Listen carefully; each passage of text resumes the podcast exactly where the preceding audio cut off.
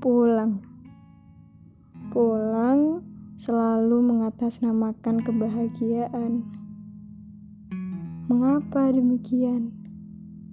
Karena pulang adalah tujuan setelah kelelahan. Pulang akan terasa nikmat ketika di perjalanan ditempuh oleh hujan, badai, dan segala kerikil yang menghadang. Lalu, pulang yang seperti apa yang dapat dikatakan pulang? Pulang yang bagaimana yang benar-benar disebut pulang? Terlalu lelah mengupas kata pulang. Karena beda subjek, beda pula mengartikannya. Pulang mungkin sederhana bagi mereka yang kehadirannya dinantikan. Hmm, pernah gak sih ngerasa kalau ternyata yang kita butuhin itu bukan waktu, bukan, tapi diri kita sendiri. Diri kita sendiri yang belum berani buat nerima semua yang ada. Seperti dibayang-bayangi. Dibayang-bayangi rasa takut yang sebenarnya itu tuh belum tentu terjadi. Kenapa sih? Kenapa? Kenapa belum pulang? Ayo pulang, kami rindu.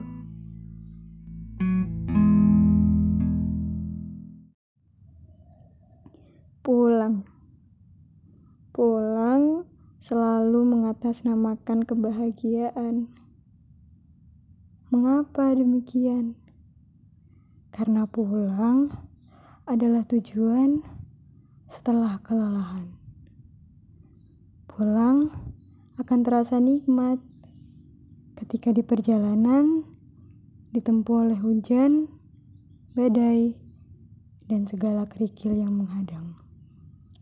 Lalu, pulang yang seperti apa yang dapat dikatakan pulang? Pulang yang bagaimana yang benar-benar disebut pulang? Terlalu lelah mengupas kata pulang. Karena beda subjek, beda pula mengartikannya.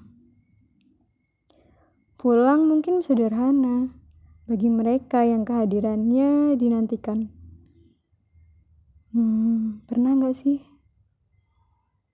ngerasa kalau ternyata yang kita butuhin itu bukan waktu, Bukan, tapi diri kita sendiri. Diri kita sendiri yang belum berani buat nerima semua yang ada. Seperti dibayang-bayangi. Dibayang-bayangi rasa takut yang sebenarnya itu tuh belum tentu terjadi. Kenapa sih? Kenapa? Kenapa belum pulang? Ayo pulang. Kami rindu.